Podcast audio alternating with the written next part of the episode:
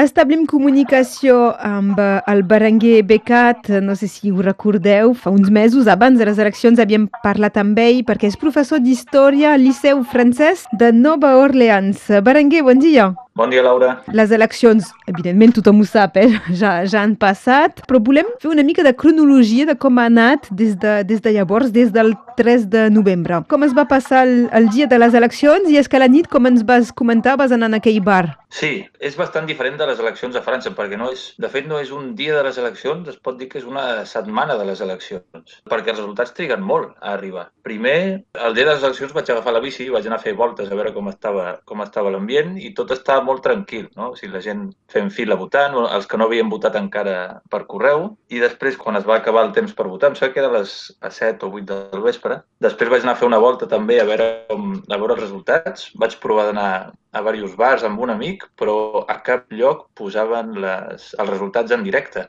Aleshores vaig demanar a la gent del bar perquè, perquè no posaven i deien que fa quatre anys hi havia hagut problemes, hi havia hagut baralles i com que aquest any la gent estava una mica tensa. Doncs no hi havia... No he trobat cap bar on posessin els resultats. Fins i tot l'amic em, em va dir que el seu col·loc li, li havia dit, però, però que estàs boig, què, fa, què fas que surts a, a la nit, cal quedar-se tancat a casa, que no se sap què pot passar. I res, bueno, al final no va passar res. Vull dir, ni tan sols es van saber els resultats el, el mateix dia dimarts. Tothom va esperar durant tota la setmana, cada dia que caiguessin els resultats, i al final es va saber el dissabte, a les 11.30 van sortir els resultats i ja a favor de Biden, tot i que després va continuar el recompte durant, durant encara una o dues setmanes. Una, unes eleccions bastant estranyes per un europeu. Finalment, a l'estat on tu vius, quins van ser els resultats a Louisiana? Oh, a Louisiana, bé, ja, ja, ho havíem, ja ho havíem dit perquè havia vist el, els resultats dels últims no sé, els últims 20 anys i sempre, sempre guanyen els republicans amb molt marge de diferència. Cap sorpresa, doncs? Cap sorpresa. El, el Trump ha guanyat a Louisiana per 58%, el Biden ha tingut 40%. Vol dir que aquí a Louisiana, com que és una circunscripció única per les presidencials, Louisiana té dos, dos grans electors. El candidat que arriba, que arriba primer se'ls emporta els dos. No, no servia de res aquí votar Biden. Quines van ser les reaccions de, de seguidors d'uns i altres quan, quan vas poder parlar amb ells? De fet, a costat del Liceu, bueno, que està en un barri una mica, no sé, com, com qui diria el Bernet a Perpinyà, no? i a costat del Liceu hi ha una botigueta d'aquestes, que venen no sé, menjar i coses aquestes, i el venedor és trompista. Sempre que vaig a, a comprar dinar allà, xerrem una estona. I aleshores ell és una mica el... Bueno, és l'únic trompista que conec, eh?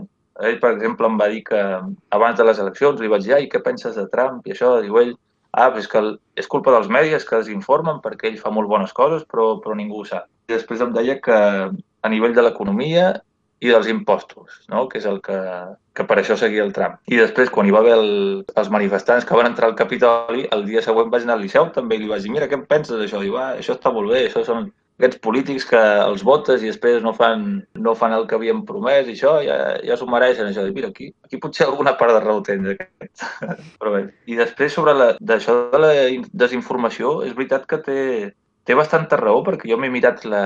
Des d'aquí arribant m'he mirat la tele, les cadenes que, que apareixen eh, eh, gratuïtes, que de fet no són públiques, són tot, és molt complicat. Hi ha un munt de cadenes de televisió que es passen el, els informatius i, i això, i n'hi ha algunes que són molt, una mica boges.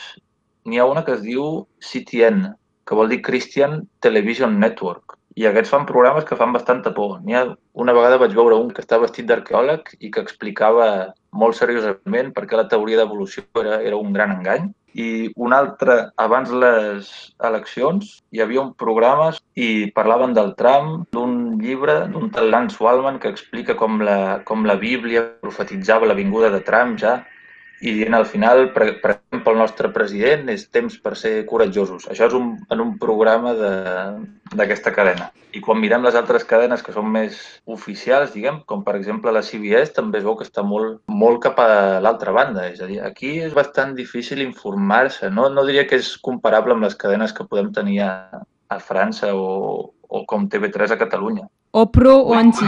Realment és... no hi ha bona informació.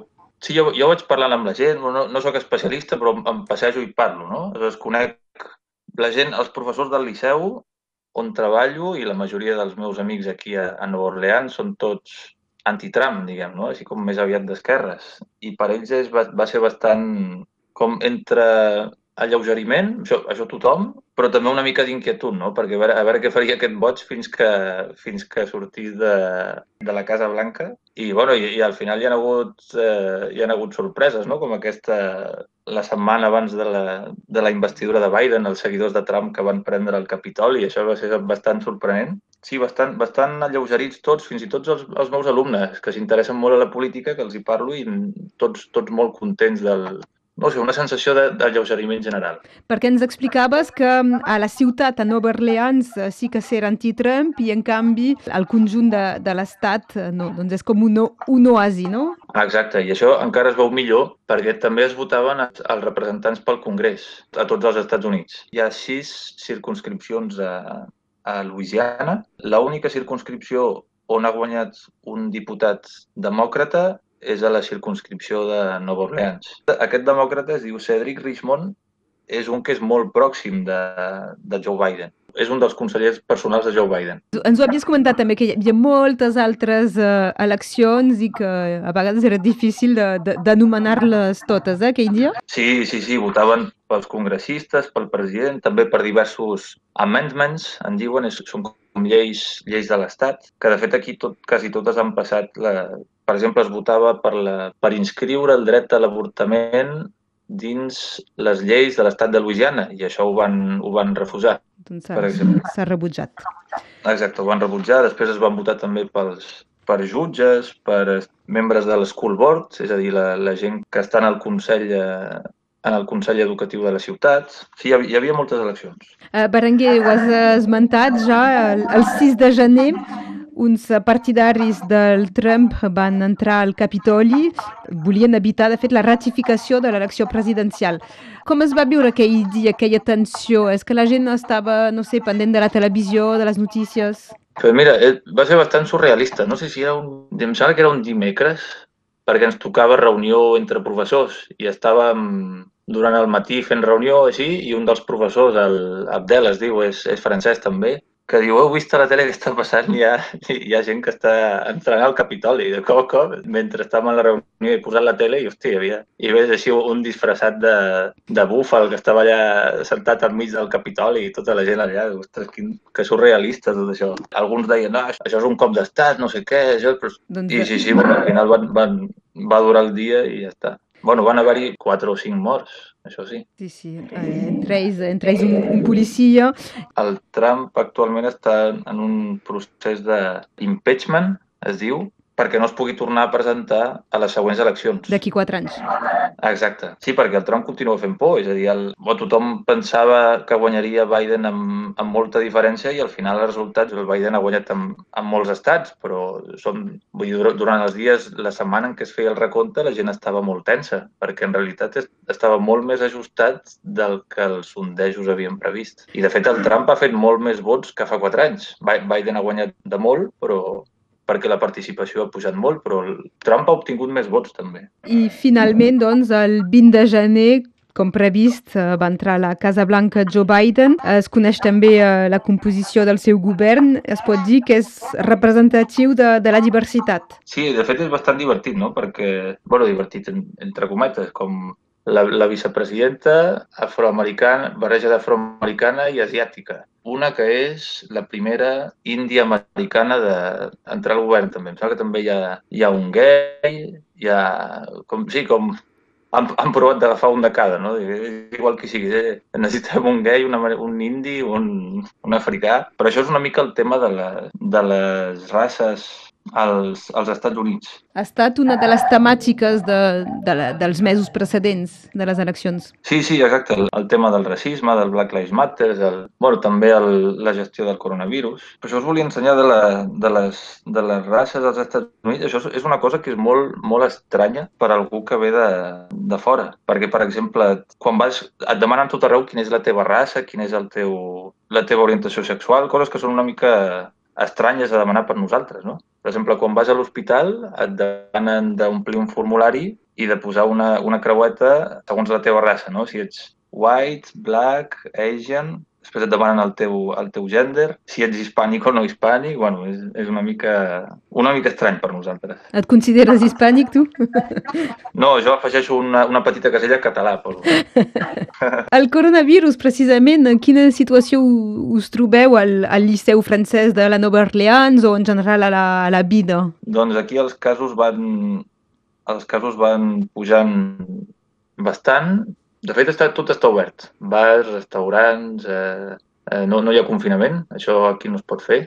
L'únic que han canviat és la capacitat dels bars, que ara en lloc de ser de 75% és de 50%, em sembla. I la màscara? La màscara, normalment, per llei del, de l'Estat, eh, s'ha de portar a tot arreu, al carrer i tot arreu, però a la pràctica al carrer ningú la porta i a dintre de bars i restaurants sí, però després hi ha les, les botigues de barri i així la gent, la gent no se la posa. I al Liceu, per exemple, a l'interior, els alumnes, els professors? Sí, sí, sí, a l'interior del Liceu sí. Al Liceu francès trobo que el, el protocol que estan seguint és, és, està, està molt bé. Hi ha molta distància entre les taules, tots van amb, amb màscara tot el dia, surten poc al pati. Això era fa quan hem tornat de les vacances de Nadal, perquè dues setmanes després de tornar la ciutat de Louisiana ha decidit de tornar a passar totes les classes en virtual. Doncs ara, ara de moment continuem en virtual des de fa dues o tres setmanes. Hem fet doncs un punt, una cronologia des d'aquestes eleccions eh, del 3 de, de novembre fins a la presa de possessió el 20 de gener i, i un petit punt eh, sanitari amb la Covid-19. En companyia del Berenguer Bacat, recordo que viu a la Nova Orleans, és professor d'història al Liceu francès d'aquesta ciutat. Berenguer, moltes gràcies. Bé, gràcies a tu, Laura. Fins molt aviat, adeu. Gràcies, adeu.